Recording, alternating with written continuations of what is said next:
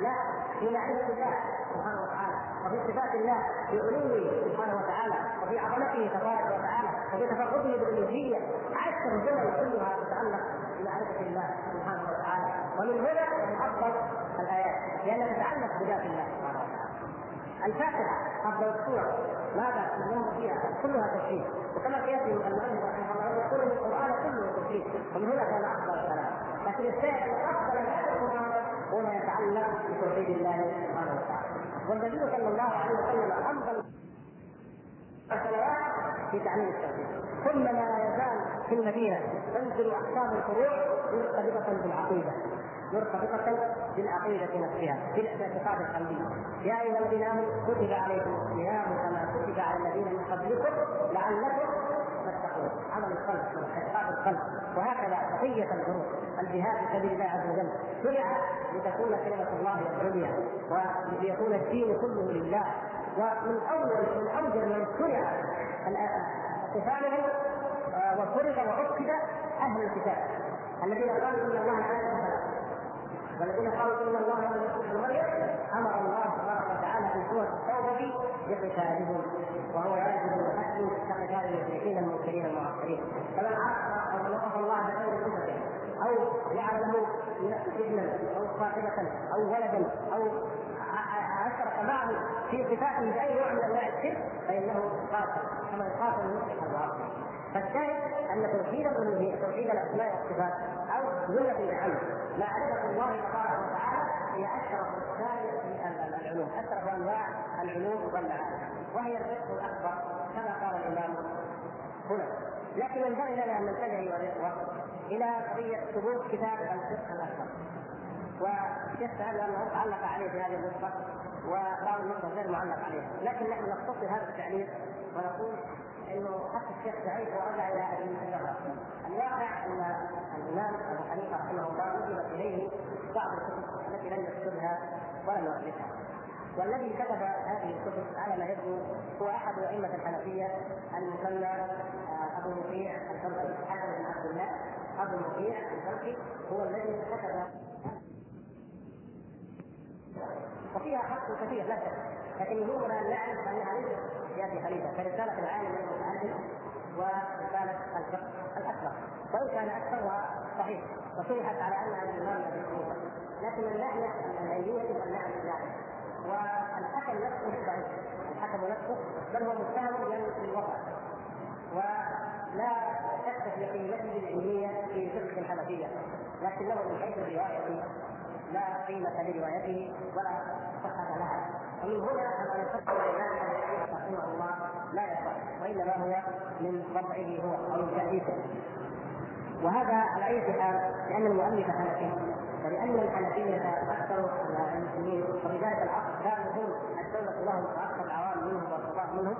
والمؤلف رحمه الله هنا يعني ينطلق من كون هؤلاء الحنفية يثبتون أو يعتقدون أن الفقه الأكبر صحيح وثابت عن ابي حنيفه وربما يقولون إن الحكم اللي هو ابو وكيع الدمشقي يقولون انه فلنفرض هذا؟ فلنفرض أنه كما قلتم ما لا واضح وما نقل عن أبي حنيفة يدل على ما نقول. فإنه يسمى معرفة الله الفقه الأكبر. فهذا أمر مهم. وما ورد عن ابي حنيفه في قوله إن من أنكر أن الله سبحانه وتعالى فوق العرش فهو كافر هذا أيضا ثابت ومنصوص وردت عنه نقول كثيره هم يعتمدونها؟ ونحن نلزمهم بها. ونقول لهم إذا انتسبتم إلى هذا الإيمان فانظروا ماذا قال. فكيف تعتقدون عقائد بدعية مخالفة لمذهبه؟ ثابته في القرن الرابع على يد أبي المنصور المغربي ثم على يد النسبي وغيرهم من الذين أحدثوا في المذهب الحنفية في مجال العقيده وأما قوله وحاجه العباد إليه فوق كل حاجة وضرورتهم إليه فوق كل ضرورة إلى آخر آه، العبارة قراها جزاه الله خيرا. فهذه الثلاثة الاصفر أو الأربعة هي عنوان ذلك عقده أو فصل عقده الإمام ابن القيم رحمه الله في غابه الاحكام باب انه لا حياه للقلب ولا طمأنينة ولا نعيم إلا بأن يكون الله سبحانه وتعالى وان يكون الله سبحانه وتعالى هو معبوده والهه وهذا والمؤلف الشارح رحمه الله اختصر هذه الأسطر من ذلك الكتاب من ذلك الفصل العظيم. وكلام ابن القيم رحمه الله الذي يقرأه في ذلك العصر يتعجب. ولكن الذي يقرأه في عصرنا هذا يزداد يقينا ويزداد عملا لأن العصور التي كانت تصلى في الماضي عصور الإيمان العصور الوسطى عصور الإيمان حينما كان ابن القيم رحمه الله. يؤلف ذلك الكتاب كان الناس جميعا يدينون بأي دين؟ لكنهم يدينون كان البوذي والبراهيم الهندوسي النصراني اليهودي كانوا يدينون وكانت الأديان بالنسبة لهم مرضيه لشعورهم العاطفي على الاقل فالذي يتدين دين من هذه الأديان. في أعم الحسنه مقتنع بحقيقة هذا الدين وبصحه هذا الدين ونتيجة هذا الاقتناع وهذه الصحه لا يجد الاضطراب والحيرة والشك الذي شهده القرن العشرون. بل القرن التاسع عشر ظهر ولكنه القرن العشرين أكثر القرون في تاريخ البشرية اضطرابا وحيرة وتخصصا وضياعا ودمارا لماذا؟ لأن هذه القلوب لا تعرف الله سبحانه وتعالى. وما الذي يعبر عن هذا حق التعبير؟ نجد يا إخوان الذين يعبرون عن أي واقع في أي مجتمع سواء كان هذا الواقع حقا أو باطلا عقيدة أو سلوكا أو ايا كان الذين يعبرون عنه التعبير الدقيق هم أصحاب الإحساس العميق الدقيق كالشعراء والأدباء وأمثالهم يتكلمون لو رأى واحد من الشعراء فريق لو رأيت مثلا أنا وإياك. يقول حديث بطل طويل يعمل قصيده طويلة يبين فيها المآسي فتقراها فكأنك رأيت الحديث أو عليه وهكذا. الشعراء أعطاهم الله سبحانه وتعالى هذه القدره فماذا يقول ادباء وشعراء ورد حول هذه القضية؟ حول قضية أنه لا حياة للإنسان ولا سعاده ولا هناءة إلا بأن يعرف الله سبحانه وتعالى. سواء قالوها بهذا النص أو عبروا عن الضياع يكفينا أن نعرف أنهم عبروا عن الضياع وعن الفراغ ويؤسفني جدا. ان أقول إن بعض ادباء العرب أو بعض ادباء المسلمين يسلكون وينتهجون منهج اولئك الادباء الحياة عن ولذلك نجد كثير من الدواوين الشعريه التي ضاعت تماما على ذلك الشاعر النصراني الذي يقول جئت لا أدري من أين ولكني أتيت. هذا شاعر مشرف طبعا بهذا لكن غيره من الشعراء يكتب ديوانا كاملا تقرا فيها الحيره والضياع والالم من لا شيء. يبحث عن شيء لا يدري ما هو. ويتالم من شيء لا يدري ما هو. ونسال الله يعرف الله. نعرف الله أنه يحتاج إلى أن يؤمن بالله عز وجل. ونعرف الله لو عرف الله سبحانه وتعالى. ولو أنه يصلي لله عز وجل كما فرض الله عز وجل. ولو أنه يقرأ كتاب الله عز وجل. لما كان في شعراء المسلمين من يقول ومضى عمري ولا اعرف ذنبا ابدا. وهذا هذا مفهوم ابدا نحن نعرف ذكر الله. نعرف دربنا ونعرف إلى أين نسير ونعرف أن ربنا إلى الله سبحانه وتعالى ونعرف ربنا سبحانه وتعالى ونعرف انه فرض علينا فرائض وشرع لنا شرائع فإذا وقفنا عند حدوده فقد وحدناه سبحانه وتعالى واطعناه فمصيرنا إلى الجنة ومصيرنا إلى السعادة في الدنيا والآخرة. وإن عصيناه وتعدينا حدوده فمصيرنا إلى الشقاوه في الدنيا وإلى النار في الآخرة. اجارنا الله واياكم لكن هؤلاء الفقراء لا يدركون لا يدركون ذلك وهذا الشاعر الذي سمى الشاعر العدمي الحدثي الكبير البير كان شاعر فرنسي مشهور وهو كان هو ذكر أكثر شاعرين أكثر بدين فرنسا يقول نقص نقص حيرة الإنسان المعاصر هم طبعا يعملون الإنسان لأنهم يظنون أن المسلمين حياة ونحن الحقيقة حياة. يعني قليل هنا الذي يمثل الإسلام. يظنون أننا مثلهم على هامش الأمم حياة. يقول مشكله الإنسان المعاصر قضية واحدة. وهي انه يبحث عن سيد يبحث عن إله. يحدث. أو مره سيد نعم لكن في الأخير يقول يبحث عن إله. البحث عن الإله هو مشكلة الإنسان والدمار الحروب المستمرة والقنابل الذرية والمصير الرهيب الذي يعني ينزل البشرية وتحاول البشرية ان تحاول تكون ولا تستطيع ولذلك يلجأ هؤلاء أهل الإحساس وأهل الشعر وأهل المراحل البعيدة يلجؤون للمقدمات يلجؤون للانتحار يتخلصوا من رعب المستقبل كما يسمونه. رعب المستقبل بمثابه حرب نوويه رعب المستقبل عندما يرى الإنسان أن الأسرة متفككه وأن المجتمع ضائع تجد الحيرة مهما تمتع من لذائذ الدنيا لا طمأنينة ولا سعادة ولا راحة أبدا. فيأتي بمخدرات يهرب من الدنيا من واقعها أو ينتهي لذلك أرقى بلاد العالم في الحضارة المادية وفي الشوارع الفسيحة والعمارات الضخمة والطلب المادي ومعدل المعيشة هي أكثر بلاد العالم بالنسبة للإسحاق لماذا؟ لأنه كما قال هنا رحمه الله وكما قال ابن القيم في آية الأحكام لا حياة للقلوب ولا نعيم ولا طمأنينة إلا بأن تعرف ربها ومعبودها وفاطرها فمن لم يعرف الله؟ والله لا يجد الطمأنينة ولا يجد الراحة ولا يجد اللذة ولا يجد السعادة مهما أخذ من متاع الدنيا ومهما جنى عن خطابها بل يعذبه الله بها في الحياة الدنيا وتزهق أنفسهم وهم كافرون. ثم ينتقل رحمه الله فيقول ومن المسائل التي العقول بمعرفة الله وإدراكها على التصديق فاختار محمد بن عبد أن بعثه لكن معلمين وإليه جاهل ولمن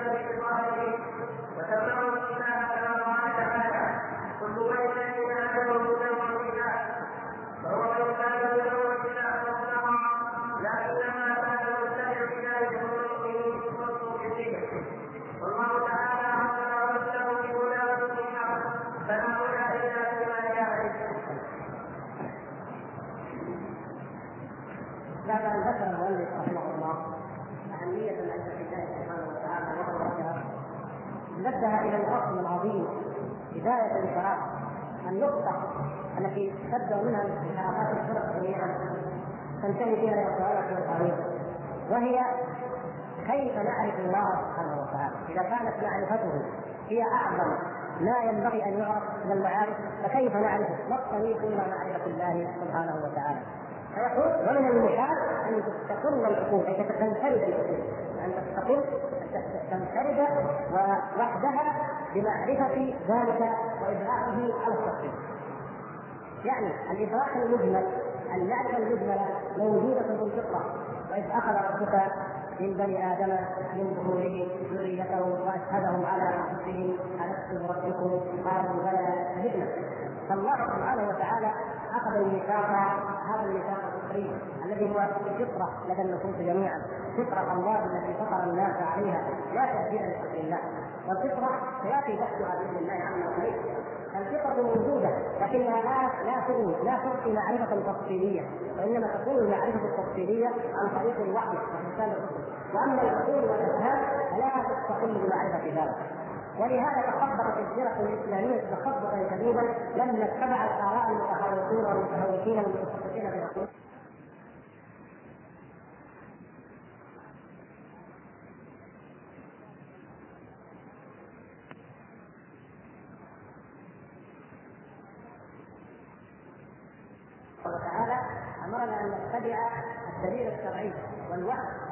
انما انذركم بالوحي فبعث النبي صلى الله عليه وسلم بالوحي فهذا هو الذي ميزنا الله سبحانه وتعالى به وكفرنا به ثم أنه سبحانه وتعالى قال أنا لكم ارسلنا الذكر وأنا له لحافظون فهو وحي محفوظ محفوظ فينبغي لنا أننا ندرك نعمه الله سبحانه وتعالى ولا نبحث عن مصدر اخر غير هذا الوحي والا الضلال والويل والخساره والتخبط كما وقع فيه من قال عن مذهب السلف الصالح ولذلك كما سيمر معنا إن شاء الله كثير من علماء الكلام الذين تخبطوا وظنوا وساهوا ياتي عند الموت ويتذكر هذا الضلال والتخبط ويقول نهاية ادراك العلوم ضلال وغاية شأن العالمين وبال ولم نستبعد من بحثنا طول عمرنا سوى أن جمعنا فيه قيل فقال. هذه هي الثقافه لمن ينتهي العلم من السلف الصالح يجمع الأقوال والوجوه وقال الحكماء وقال فلان ورد عليه فلان وقال فلان. ولا يصل إلى اليقين ولا يصل إلى الحقيقة لأن هذا ليس مما يدرك بالنظر. ليس مما يدرك بالعقول ليس مما تنفرد به الافهام والاذهان وإلا لو كان كذلك فنقيم من الأنبياء. والله سبحانه وتعالى بعث الأنبياء ليبينوا ذلك. وجعله كما قال رحمه الله جعل ذلك مفتاح دعوة الرسل. يدعون أول ما يدعون إلى الله سبحانه وتعالى. إلى معرفته سبحانه وتعالى وتوحيده سبحانه وتعالى في أسمائه وصفاته وأفعاله وما يستحق على العباد من أنواع الطاعات والسعه فلا تستقيم العقول ولا تتقرب العقول بمعرفة هذا. ونجد دلائل ذلك الواقعية أكثر من أن تخطر وأكثر من أن تعمل فإن الفكرة العقل البشري نفسه أو العقول البشرية أيام اليونان كانت لها نظريات عقلية قيادية. ماذا حدث؟ لما جاء المسلمون نقلوا تلك النظريات. المنتسبون إلى الإسلام؟ على التعبير الصحيح المنتسبون إلى الإسلام؟ من الفلاسفه كابن سينا وابن رشد والفارابي والكندي نقدوا تلك النظريات. وابطلوا كثيرا منها. واضافوا اليها اضافات هي صحيحة. بالنسبة لباطل اولئك أضافوها. فجاءت النهضه الاوروبيه عصر النهضه كما يسمى أو عصر التنوير كما يسمى في القرن السادس عشر السابع عشر. فظهرت نظريات مركزيه جديدة في قاعدة الفارس وأمثالهم وسبينوزا وكذا. فوضعوا نظريات جديدة وأبطلوا فيها النظريات القديمه سواء ما اضافه المسلمون الإسلام أو نظريات ارسطو وافلاطون واليونان والقدماء فجاء القرن التاسع عشر فظهرت المذاهب المسماة المذاهب الوضعية. الذي كان خلف أمثاله اعتقاد في الذين يدرسون دراسات ادبيه ويعرفونها أو المذاهب الاجتماعية. جاء هؤلاء الفلاسفة وضعوا نظريات جديده أدخلوا فيها نظريات عصر النهضة وعصر التنوير ففي القرن العشرين ظهرت نظريات أكثر حداثة وأكثر جدا وابطل بها النظريات القديمة. فيا سبحان الله كما قال رضي الله تعالى عنهم من جعل دينه حرة أو للهوى أو أكثر التنقل أكثر التنقل أي أنت تبي؟ أخذت افلاطون ولا ابن سينا ولا في قرن ولا هيجي ولا سبينوزا ولا فلان اين تقول القرن العشرين لا اليوم ما يزالون أحياء من المفكرين والفلاسفه يقولون كل ما كتب في الفلسفه الميتافيزيقيه صار كل اولها صار كل تمام فنحن يكفينا قول الله سبحانه وتعالى ما اشهدتهم خلق السماوات ولا خلق انفسهم وما كنت متخذ المضلين عضدا أي نظرية يهوديه عن نشاه الكون عن يتعلق بالله سبحانه وتعالى عن نشأة الإنسان على هذه الأرض وكيف جاء وماذا جاء. أي نظرية؟ فهي باطلة. في وضع المضلين الذين لم يشهدهم الله عز وجل خلق السماوات والأرض ولم يشهدهم خلق أنفسهم فضلا عن أن يشاركوه بذلك. لم يفيدهم ذلك حتى يتكلموا عنه. وحتى يكونوا فيه. ما لم يفيدهم ابدا ولا يفيدهم ابدا فهم مضلون أضلوا بين الانسانيه وأضلوا أهل الديانات القديمة ثم أضلوا أهل الإسلام فيما بعد. هؤلاء الذين يسمون فلاسفه أو حكماء أصحاب العقيدة الضخمة هؤلاء لا لا قدره ولا ولا قدره بأي عقل من العقول؟ إلا بالوحي. وما يفهمه الإنسان من الوحي في معرفة الله سبحانه وتعالى. أما فيما يتعلق بالفروع فالعقول كلها تعمل لأن الله سبحانه وتعالى نزل على القرآن للتدبر والإنسان والاستنباط وأما في المعارف الدنيوية فإن الله سبحانه وتعالى وكل أمر هذه المعارف الدنيوية والعلوم التي تتعلق بحياة الإنسان الأرض إلى الإنسان نفسه. وآتاه الاله التي تهيئه لذلك وسمح له وافتح له من ذلك أن يعمل وأن يصلح فيها ويتعلم.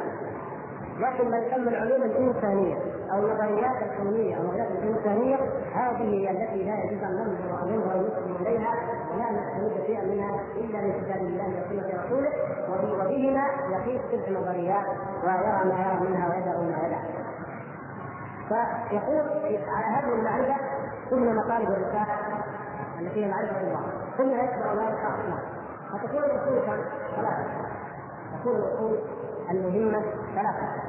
معرفة الله سبحانه وتعالى ومعرفة الطريق الموصل إلى الله سبحانه وتعالى ومعرفة العاقبة والمآل أو المصير لمن أطاع الله ولمن عصى. هذه أساس المعرفة أو بالاحرى المعرفة الكلية تشمل هي هذه الأصول الثلاثة أو هذه الأقسام الثلاثة. اولها واشرفها معرفة الله سبحانه وتعالى أن يعرف الله سبحانه وتعالى. وبالمناسبة كلمه المعرفه نفسها وردت في الاحاديث أن بعض الناس ينكرها لأن الصوفيه يسمون الإنسان الذي بلغ عنده البعض الماء العالم. هذا المصطلح غريب على الإسلام. نعم. لكن المعرفة أو معرفة الله ليست غريبة. بل ورد في الحديث الصحيح يحيى روايه حديث معاذ بن جبل رضي الله عنه عندما أرسله النبي صلى الله عليه وسلم إلى اليمن. قال فإذا هم عرفوا الله فإذا عرفوا الله فانزلهم أن الله فرض عليهم خمس صلوات. الشاهد ان هذه اللفظه في ذاتها عندما نقول معرفة الله لا غبار عليه. وإنما الخطأ في إطلاق كلمة العابد في المصطلح المتداول عند الصوفية. الدرجات عندنا مسلم مسلم ثم مسلم ثم محسن وهناك صفات أخرى وهي المتقون المشركون الفائزون إلى اخره وليس فيها ولا منها العارفون لكن نقول معرفة الله أو معرفة ومعرفه تطلق وتستخدم لا على سبيل العالميه في أحد الاصطلاح فمعرفة الله سبحانه وتعالى هي الأصل الأول والأهم من كل المعرفه ثم معرفه ماذا؟ معرفة الطريق الذي يوصل إلى رضا الله وإلى طاعة الله، ما هو؟ يعني معرفة الشريعة، معرفة أحكام الصلاة والحق، فنعرف أولا التوحيد ثم نعرف ثانيا الفقه والشريعة أي معرفة الحلال والحرام، ثم نعرف ثالثا مصير المصير المصير به الإنسان بناء على المعرفتين الاولين من عرف الله عرف إلى اي المصير ومن خالف ذلك إلى اي المصير فنعرف أخبار الله ما يتعلق بها. وما هو حالنا عند الموت؟ ما هو حالنا بعد الموت؟ ما هو حالنا في العالم الآخر؟ فمن عرف هذه الثلاثة اشتملت معرفته الضرورية التي هي معرفة الدين الذي ينبغي أن نعرفه جميعا بان يعرف التوحيد وما يتعلق به معرفه النبي صلى الله عليه وسلم ومعرفه دين الإسلام ورسوله ثم يعرف الشريعة وكيف يعبد الله سبحانه وتعالى ويتقرب إليه ويطيعه ثم يعرف مصيره ونهاية العالم الآخر. لأن معرفة ذلك ضروريه له في هذه الحياة الدنيا. وإن كانت ليست مما يتعبد به عمله لكنها مما يظهر معرفته يعرف فهذه اصول المعارف الثلاث الاصول الثلاث التي معرفة الله ويقول ولهذا الضمير هنا أو التعليل في ولهذا يعود إلى إيش؟ يعود إلى التعليل. المؤلف يعود إلى إلى التعليل. يعني الغرض من التعليل إثبات أن الاصول لا تستقيم بمعرفة الله وإنما يلزم أن تكون نابعه وطبيعه الاشتراك قال ولهذا ولكون الأصول لا تستقيم بمعرفه الله ولكون ذلك لا يكون إلا عن طريق الوحي والإرسال والرسول ولهذا صلى الله وسلم على نبيه صلى الله عليه وسلم روحا فسماه نورا وسماه شفاء ويبدو أن الوقت قد سار بعض القضاء ويمكن له الاستمرار لكن نحب اعتذر وأنا يعجبني الاعتذار جدا وخاصة ونحن في الخميس يهمني جدا أن أعتذر عن الاستمرار في درس المغرب نظرا لارتباطنا بموعد مهم مع سماحه الشيخ عبد العزيز بن عبد الله وسنذهب إن شاء الله الآن. ابو في الطريق ما ادري عن راي الشيخ علي ابو صلي أيضا في الطريق لأنه موعدنا معه بعد العشاء هذا بحقين مهم جدا وأرجو عدم الموافقه ولولا أنه مع سماحته لما لما امكن لي ان اتخلى الا بفتح القاعه فارجوكم ولكم جميعا المعذره ونسأل الله سبحانه وتعالى لنا ولكم جميعا التوفيق والقبول وأن يرزقنا الإخلاص وحسن الاجتماع وحسن العمل بالحكمة. وصلى الله على نبينا محمد وعلى آله وصحبه وسلم. ونلتقي إن شاء الله في مثل هذا الوقت الأسبوع القادم بإذن الله تبارك وتعالى. السلام عليكم ورحمة الله وبركاته.